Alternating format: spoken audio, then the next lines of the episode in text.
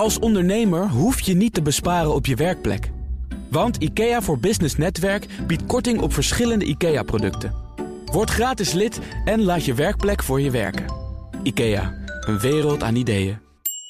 De vakbonden willen een half miljoen van Otto Workforce. En er komt een antwoord op de vraag of grote online spelers zoals Amazon en Alibaba in Nederland nog dominanter worden. En dat antwoord komt dan van het ondernemerspanel. Deze week bestaande uit Quintin Schevernels, de CEO van Funda, Leen Zevenbergen, Syrië-ondernemer en voorzitter van B Corps Europe. En mijn zakenpartner Marlies Dekkers. Welkom. We beginnen met jullie eigen nieuws. Quintin, jij mag aftrappen. Ja, ik twijfelde een beetje, want aan de ene kant was er wat negatieve nieuws dat CEO's in Nederland en Europa een beetje pessimistischer worden over uh, de economie. Maar toen las ik van de week ook een artikeltje over een Amsterdams marketingbedrijfje dat uh, nu drie maanden lang met de helft van zijn personeel in Indonesië zit. En dat vond ik eigenlijk veel leuker. Dus daar wou ik het over hebben. En waarom wou ik het erover hebben? Omdat ik dat wel ja, heel, heel erg bij deze tijd vindt horen. Dus dat we dankzij digitalisering veel minder afhankelijk zijn van locatie. Jonge ondernemers die gewoon eh, een bedrijf hebben met 40 man in dienst, Nederlandse klanten. En dan gewoon drie maanden lang met de helft van dat bedrijf in Bali gaan zitten. En wat blijkt, dat hebben ze al eerder gedaan. In die maanden draaien ze hun beste omzetten ooit. Nou, dus dat, is, toch de reden dat ze doen, want dat was mijn vraag. Waarom zou je het doen? Nou, niet per se, als ik het goed las, omdat ze dachten dan gaan we nog meer omzet doen, maar wel de onderlinge verbintenis, het feit dat het hier slecht weer is en koud. Hebben ze dat eerst een maand gedaan, een paar jaar geleden met een paar mensen. Dat was zo'n succes dat dat nu gewoon standaard doen ze dat en dat roleert. Dus wie dit jaar gaat, Mag volgend jaar niet, want er moeten ook altijd wat mensen in Amsterdam blijven. Maar dan gaat de andere ploeg. Leen, zou je ook het vliegtuig instappen en kijken of dit werkt? Zeker. Zeker. Het werkt gewoon. Het is, het, is, het is algemeen bekend dat als mensen in een prettige omgeving uh, werken, dat ze beter produceren en beter en meer produceren, prettiger. Dus ik zie, uh, ik had het niet gehoord nog, maar ik vind het eigenlijk wel een hartstikke goed idee. Ja, er zijn ook veel meer, uh, veel meer focus daardoor op het werk. En als je dan klaar bent met het werk, ben je ook echt klaar met het werk. Ja. Maar het is misschien ook een tijdelijk effect. Als je zou zeggen, je gaat vanaf nu je werk doen op Bali, dan werkt het waarschijnlijk wat minder. Ja, want dan denk ik dat je daar ook echt je sociale leven gaat opbouwen en dus ook wel weer de afleiding hebt noem maar op. Dus ja, maar ik vond het wel erg, erg leuk, uh, leuk bericht. Leen, wat is jouw nieuws? Mijn nieuws uh, waar ik door uh, waar ik teleurgesteld eigenlijk over was. Dus dat is misschien negatief nieuws, als je het zo ziet, is, heeft te maken met Access for All. En jammer vind ik het. Dat, uh, kijk, Access for All heb ik altijd gezien als een topmerk. Dus als je met internet bezig bent en er gaat iets mis... dan is Access for All een rots in de branding. En uh, bijna alle andere providers zijn onbereikbaar. En, uh, en ik heb zulke enorm goede ervaringen met Access for All... Uh, dat ik denk van, uh, nou, dat, en nu wordt het één grote grijze massa, zie ik voor me. Dat je daar KPN moet bellen die gewoon nooit bereikbaar is. Ik snap ook niet dat ze dat merk weghalen. Nee, nee, maar dat is. Uh, dus ik, ik denk dan bij mezelf. Uh, uh, als het met een bedrijf niet zo goed gaat. of als je de winst in stand wil houden. dan zijn er denk ik altijd twee reflexen. Eén noem ik de managerial reflex. En dat is van. de kosten moeten omlaag. He, dat gaat onmiddellijk gebeuren, kan elke gek. Of de andere is de ondernemende reflex. de omzet moet omhoog. of we gaan in de markt iets doen. Nou, doe daar verdorie iets mee. met het Access for All, met het prachtige merk. Maar het is een merk. Je, je bent dan toch eigenlijk al indirect ook al klant van KPN. Waar ben je zo bang voor?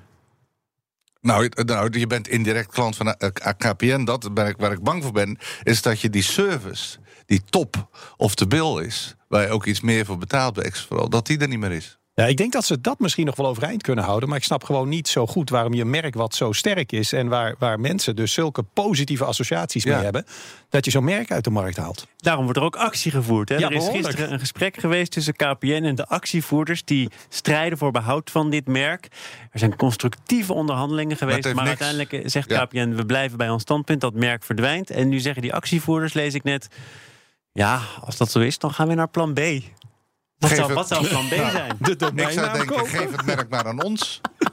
Maar Lies, heb jij, geen, jij hebt geen plan B, hoor ik. Nee, nee ik, ik vind het heel grappig dat, dat er zoveel liefde is voor het merk. Dat er zoveel engagement is, zeg maar. Dat heb jij alleen bij je merk? Ja, ik heb ook ontzettend veel engagement bij mijn merk. Maar ik zou dat niet maar ja, misschien omdat het mij niet zo aanspreekt. Uh, ik, kan, ik, ik kan me er niks bij voorstellen. Ik vind het gelijk een beetje jongensachtig iets. Maar misschien ja, ik, heb het zelf, ik heb het zelf ook niet zo. Maar het is natuurlijk wel. Dit is echt zo'n zo'n ja, internetmerk van het eerste uur. Ja, ik ben er ook van. Nou, ik heb ze vaak gebeld. Nou, dat heb ik absoluut niet. Die positieve verhalen als die jij hebt hoor. Ik bedoel, bij internet werkt ook steeds heel rommelig. En dat is, um, nou, heel vaak bellen werkt het nog niet. Dus ik heb dat sentiment totaal niet. Hm. Nee, maar weet je, het gaat um, denk ik ook niet om het sentiment. Dus laten we het sentiment, zou ik eigenlijk een beetje aan de zijkant willen schuiven. Of terzijde willen schuiven. Maar het gaat om de, het merk. Een merk heeft een waarde en uh, staat vaak niet op de balans. Het zou eigenlijk wel op de balans moeten staan. En die waarde is geld, dat is geld waard. Dat is gewoon financieel. Kan, kan je het activeren? En dat, hè, kan. Je kan hem toch activeren op de balans? Maar goed, dat, hebben ze hopelijk niet gedaan. Want dan zouden ze nu moeten deactiveren, afschrijven. En dan komt er een verlies bij. Dus ik, en dat vind ik zonde, dat het merk... Zo zijn er veel merken die... Uh, en wat je bij... Dan denk ik, is dat een actie à la Unilever... die van zijn vele merken terug wil naar een beperkt aantal merken? Nou, volgens mij wil KPN van alle merken terug naar één merk. Namelijk KPN. Ja, denk en dat kan alleen maar kosten, met kosten te maken hebben. Marlies, jij wil nog de aandacht vestigen op WhatsApp. En de ja, nou ja, op, taal. op taal. Er is een onderzoek door Lieke Verheijden, het Radboud Universiteit, gedaan. Um, nou, ik hoor dat ook om me heen van ouders die allemaal heel bezorgd zijn van uh, hoe momenteel geappt wordt met. Ja, eerst begon met effen, maar nu is het zijn bijna, vindt men onleesbare zinnen. Nou, ten eerste vind ik het geweldige zinnen. Ik vind het echt een taalvernieuwing. Uh, dus ik geniet er altijd van. Maar er wordt vrij somber gedaan door ouders. Maar het blijkt dus helemaal geen effect te hebben op het uiteindelijk schrijven uh, wat ze moeten doen voor een sollicitatie sollicitatiebrief of dergelijke. Blijkbaar kunnen, uh, kan de jeugd heel goed uit elkaar halen van dit is voor WhatsApp of dit is voor social media en dit is voor een sollicitatiebrief. Nou, dat vind ik alleen maar positief nieuws. Dus dan staat er toch 2-1 voor de positiviteit hier. Dan uh, gaan wij naar Otto Workforce. Heeft in april 2017 uitzendkrachten geleverd aan supermarktconcern Jumbo en moet daarvoor nu van de rechter een schadevergoeding betalen. Want Volgens de rechter gaat het om besmet werk, omdat er in het distributiecentrum van Jumbo werd gestaakt. Leen, elke keer als jij er bent gaat het over cao's en conflicten op de werkvloer. Maar snap jij dat eh, de rechter tot dit oordeel komt? Nou, als je de stukken een beetje goed leest, dan snap ik het eigenlijk niet zo goed. Omdat uh, uh, ik zou eigenlijk zeggen, Jumbo is de schuldige. En, uh, maar, want Jumbo die heeft iets gedaan wat de staking moet breken. En die heeft mensen ingehuurd, namelijk bij Otto. En Otto levert, dus dat is misschien ook niet helemaal goed. Maar, uh, dus dat snap ik niet uit de uitspraak. Dat, dat, en dan zou je zeggen, als je dan uh, een schadevergoeding eist... Uh, vraagt hij dan niet bij Otto, maar bij Jumbo? Ja, ik heb ook nog wel een andere opmerking erover op een hoger niveau. Van als dit nou het is waarop FNV en CNV hun toekomst baseren... het stakingsapparaat, dan denk ik dat ze wel eens een beetje beter van deze tijd mogen worden. Daar sluit ik me helemaal bij aan. Ja, ja eens. Ja, ik vind het ook een beetje merkwaardig dat uh, het vooral Otto is die daarop wordt aangesproken en Jumbo niet. Dat vind ik echt heel raar. Maar überhaupt inderdaad dat hogere niveau, uh, toekomst van vakbonden en noem maar op, is wel, uh, nou... Nou, overigens, toch nog heel even over Otto. Want Otto zegt, ja, het was rond Pasen. Uh, dit is per ongeluk gebeurd. We wisten niet precies. Ja, we hebben inderdaad wel die acht uitzendkrachten geleverd. Maar waar die nou precies zouden gaan werken... dit is administratief niet helemaal goed gegaan. Is dat geloofwaardig? Nou, ik, ik geloof, eh, ik heb heel lang geleden werkte ik bij Randstad en was ik verantwoordelijk voor de vestiging op de bloemenveiling. En daar hadden we iedere dag meer dan duizend uitzendkrachten rondlopen. Dan weet je echt niet precies wie waar loopt. Maar dat weten managers van die afdelingen natuurlijk echt wel. Dus je weet dat je levert aan een distributiecentrum waar op dat moment gestaakt wordt. Exact, ja. Dan, omdat jullie het zo heel snel eens waren over deze uitspraak, over het toekomstperspectief van de vakbond. Want uh, ja, het is misschien wel een goede week voor de vakbond. Want Deliveroo, um, die riders daar, zegt de rechter, dat zijn werknemers, dat zijn geen ZZP'ers. En de vakbond zegt: kijk eens, we hebben voor iets gestreden en dat wordt nu door de rechter bevestigd. Misschien gaan die verdienmodellen van die platforms ook wel op de schop. Dat zou je kunnen zeggen. Dat is een uitspraak die wat meer gewicht heeft. Ja, dat is een. Uh, ik denk sowieso dat als je als vakbond uh, in de toekomst nog een bepaalde rol wil spelen, dan moet je echt gaan nadenken over de betekenis van werk. En dan moet het niet meer altijd aanwezigheidsgedreven zijn, maar ook moet het een waarde hebben. Uh, een voorbeeld daarvan vind ik nog steeds de staking ooit. Dat was wel een met een staking begonnen van de, van de, van de vuilnismannen in New York. een vuilnisman in New York schijnt nu ongeveer 85.000 dollar te verdienen. En dat uh, omdat die vuilnisman daar. ik was misschien even afgeleid, maar hoeveel? 85.000. Dus Dus eh, misschien weer vuilnisman worden Ja. nog? Eh, ja, in plaats van eh omroepen. hier? Ja. Eh, omdat men daar ziet wat de waarde. Wat is de waarde die je toevoegt aan de maatschappij met het werk wat je verricht? En dat is een eh, discussie die nog maar net aan het beginnen is. En dat zijn dingen, denk ik, waarvan, waar je ook jongeren mee kunt aanspreken. Wat is de waarde van het werk? Wat is de waarde van wat je hier betekent? Noem eens een eh, betekent beroep waarvan doet? jij zegt dat verdient dan echt op dit moment fundamenteel te weinig. Dat Nou, zou meer een- moeten een- verdienen. Een vuilnisman, Ja, denk ik. verpleging. Maar- verpleging. Ja, verpleging, Ja, eh, verpleging. scholen, Ja. denk ik ook wel, onderwijzers. Ja. Dus eigenlijk sluit het aan bij de discussie die vorig jaar in één keer speelde. Onze publieke sector, onze publieke diensten moeten beter gewaardeerd worden en ook beter betaald worden. Ja, ja. En, ook, en tegelijkertijd ook efficiënter gemaakt worden.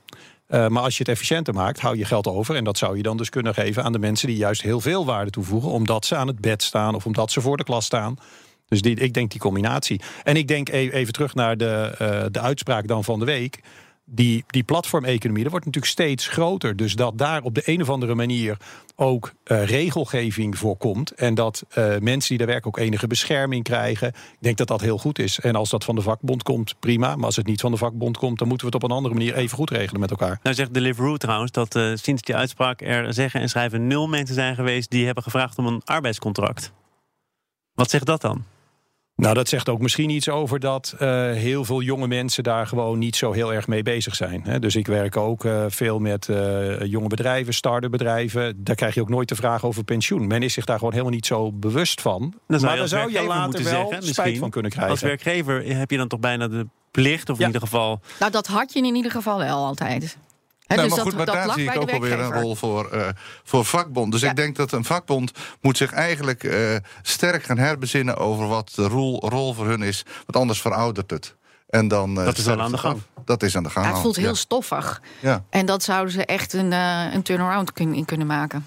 We gaan praten over het webshop-landschap in Nederland. Dat is veel te gefragmenteerd, gefragmenteerder dan in andere landen. En volgens economen van ING is er geen reden waarom dat zo zou blijven. Grote spelers zoals Amazon, Alibaba en misschien lokaal gezien ook Bol.com zullen de komende jaren een steeds groter stuk van de taart naar zich toe trekken. Quintin, is dit inderdaad het meest waarschijnlijke scenario? Denk ik wel, ja. Ik geloof wel dat hier ook eh, consolidatie plaatsvindt. Je ziet bol.com dat natuurlijk al doen, doordat ze niet alleen gewoon eigen producten verkopen, maar dat daar ook allerlei eh, andere partijen producten kunnen neerleggen. Ik las van de week ook ergens dat ze verwachten over een paar jaar dat, ik geloof iets van eh, twee derde van hun omzet ook niet meer van hun eigen winkel komt, maar zeg maar meer die marktplaatsfunctionaliteit. Eh, Dan, ze hebben natuurlijk zoveel developers zitten, zo'n apparaat met customer support. Ja, dat is op een gegeven moment een ding wat gewoon alles naar zich toe gaat trekken, denk ik. Kunnen we nog iets verzinnen waardoor het in Nederland anders gaat dan in andere landen? Dan moet het eigenlijk anders gaan dan in andere landen. Want jij denkt van, de, alsof dat heel erg is. En eh, ik weet niet of dat voor de consument per se erg is. Je hebt natuurlijk ook altijd nog de meta-sites die eh, vergelijkingen doen. Dus ik weet niet of er, eh, als je een hele goede aanbieding hebt als kleintje, of dat dan per se verloren gaat. Dat Nou- is nog maar de vraag. Hè, ook al zijn die grote er. Dat eh, als jij een bepaald specialistisch product of een bepaald eh, iconisch product wil hebben, en dan, dan denk ik dat je dat nog wel kunt vinden. Dus ik weet niet of het voor de consument zo. In de eerste is. instantie denk ik dat het voor de consument allerlei voordelen heeft. Omdat je gewoon hele goede functionaliteiten natuurlijk krijgt. En vervoer is goed geregeld binnen een uur of binnen twee uur. En daar kunnen ook kleine webshopjes kunnen daar eigenlijk indirect gebruik van maken. Voor de lange termijn hangt het er natuurlijk een beetje vanaf wat voor strategie een partij als bol.com dan gaat voeren. Want als wij allemaal op dat platform zitten, kunnen zij ook heel erg bepalen wat wij bovenaan eh, de lijstjes krijgen, noem maar op. Ehm, ja, komen ze in de verleiding om daar heel veel mee te gaan manipuleren, bepaalde partijen extreem onder druk te zetten, waardoor die niet kunnen blijven bestaan. Hoe maak je dan Maar dat ligt onderscheidingsvermogen met natuurlijk op de loer. Als je heel dominant wordt, dan Ja. heb je het voor het zeggen. Ja. Nou, maar bijvoorbeeld een land als België, die is echt, echt te laat door de wetgeving erop eh, ingesprongen. Eh, Dus als jij zegt, ja, kan het ook nog anders? Nou, België doet, heeft het anders gedaan. Nou, ik denk dat ze ontzettend veel werkgelegenheid aan hun neus voorbij hebben laten gaan. Dus ik denk dat dat geen slimme zet is geweest. En als er dan zo'n grote speler is, ligt het dan voor de hand dat dat eh, inderdaad bol.com is? Steeds meer die marktplaatsfunctie? Of wordt dat een eh, grote Amerikaanse of Aziatische speler? Ik denk dat de kans dat Amazon eh, veel opeet eh, en heel groot wordt, dat dat wel erg aanwezig is hoor.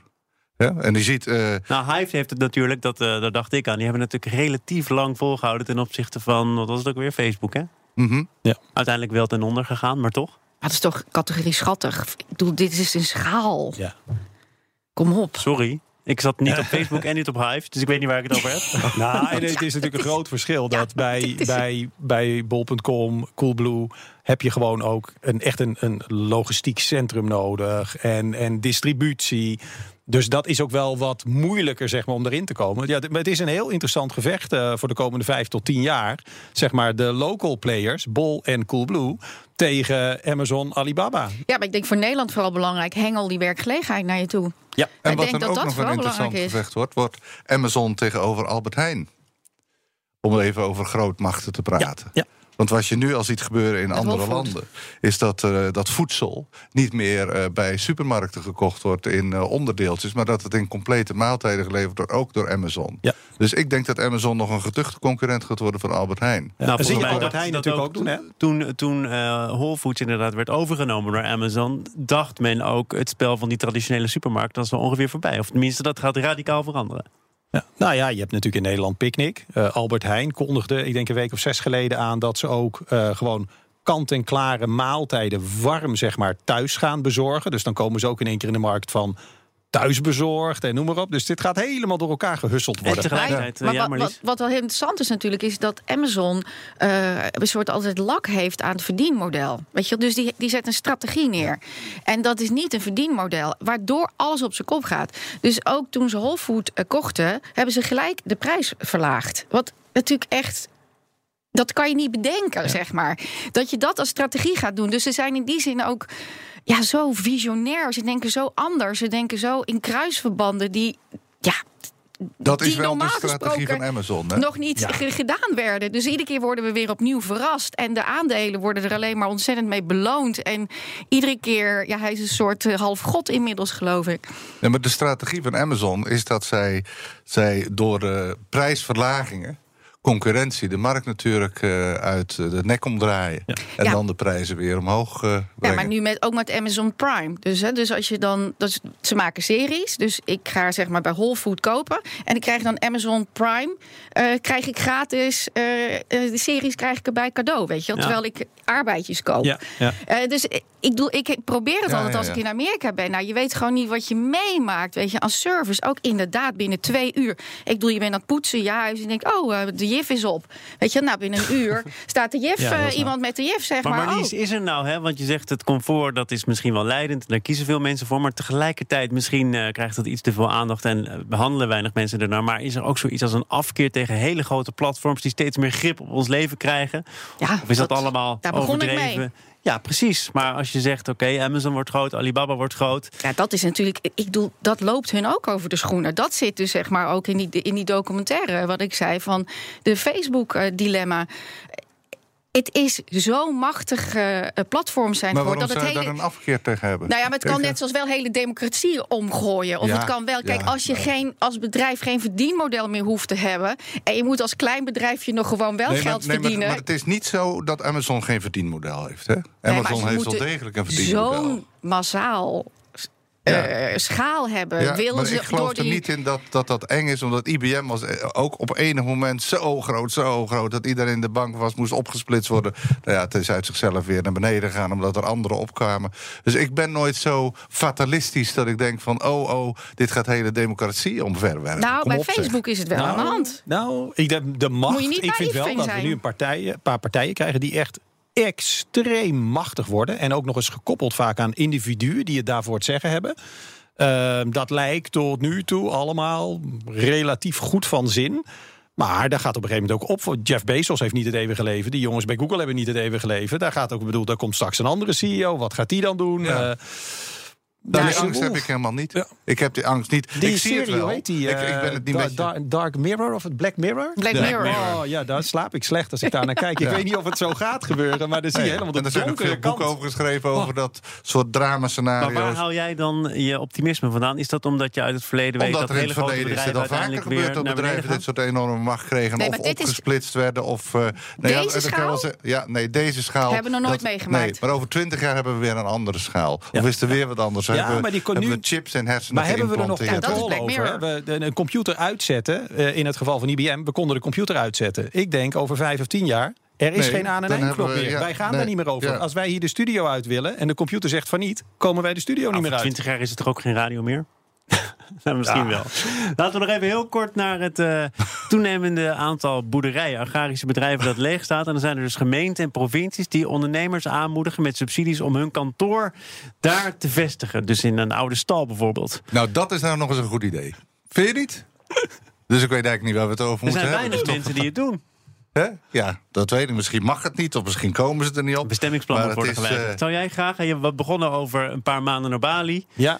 Nou, het kan nou, liever naar Bali dan naar een boerderij in uh, Hogeveen of zo, om eerlijk maar te zijn. Maar dat is toch ook al aardig, vind je niet? Ja, ja, ja, maar ik denk dat je daar... Er zijn allerlei verbouwingskosten, denk ik, en, en vergunningen. Ik denk dat het voor bedrijven waar nu veel mensen zeg maar, eigenlijk naar uh, grotere steden moeten rijden, omdat daar het kantoor staat, dat je misschien iets kan doen. Ja, maar verder, uh, ja, als mensen in Amsterdam uh, uh, wonen en werken, ja, dan ga je dat bedrijf niet zo snel verplaatsen 100 kilometer verderop. Ja. Nee, maar niet zoek de stilte. Want wat je nu zegt is denk ik precies waar. Dat het maakt voor een heleboel mensen, 70% geloof ik in Nederland, niet meer uit van waaruit ze werken omdat ze allemaal online zijn. Ja. Waar we het in het vorige onderwerp ook al over hadden. Nou ja, dan, maar er zijn geen plekken. Er zijn te weinig plekken. He, dan kan je thuis blijven zitten, maar dat vinden een hoop mensen niet leuk. Dus dit uh, vind ik, ik vind het wel een goed idee als je de stank uh, kan wegwerken van de Daar zijn ze bang voor, hè, inderdaad. Of die stank ja, ik, dan... Uh... Marlies, jij werkt ook overal. Je kwam uit Parijs. Je was scherp als een mes vandaag als mijn zakenpartner. Dank daarvoor. Kom nog een keer terug. En dat zeg ik uiteraard ook tegen de doen. andere leden van het ondernemerspanel. Quintin Scheverneels, de CEO van Funda en Leen Zevenbergen. Serieondernemer, voorzitter van B Corps Europe. Tot volgende week. Als ondernemer hoef je niet te besparen op je werkplek. Want IKEA voor Business Netwerk biedt korting op verschillende IKEA-producten. Word gratis lid en laat je werkplek voor je werken. IKEA, een wereld aan ideeën.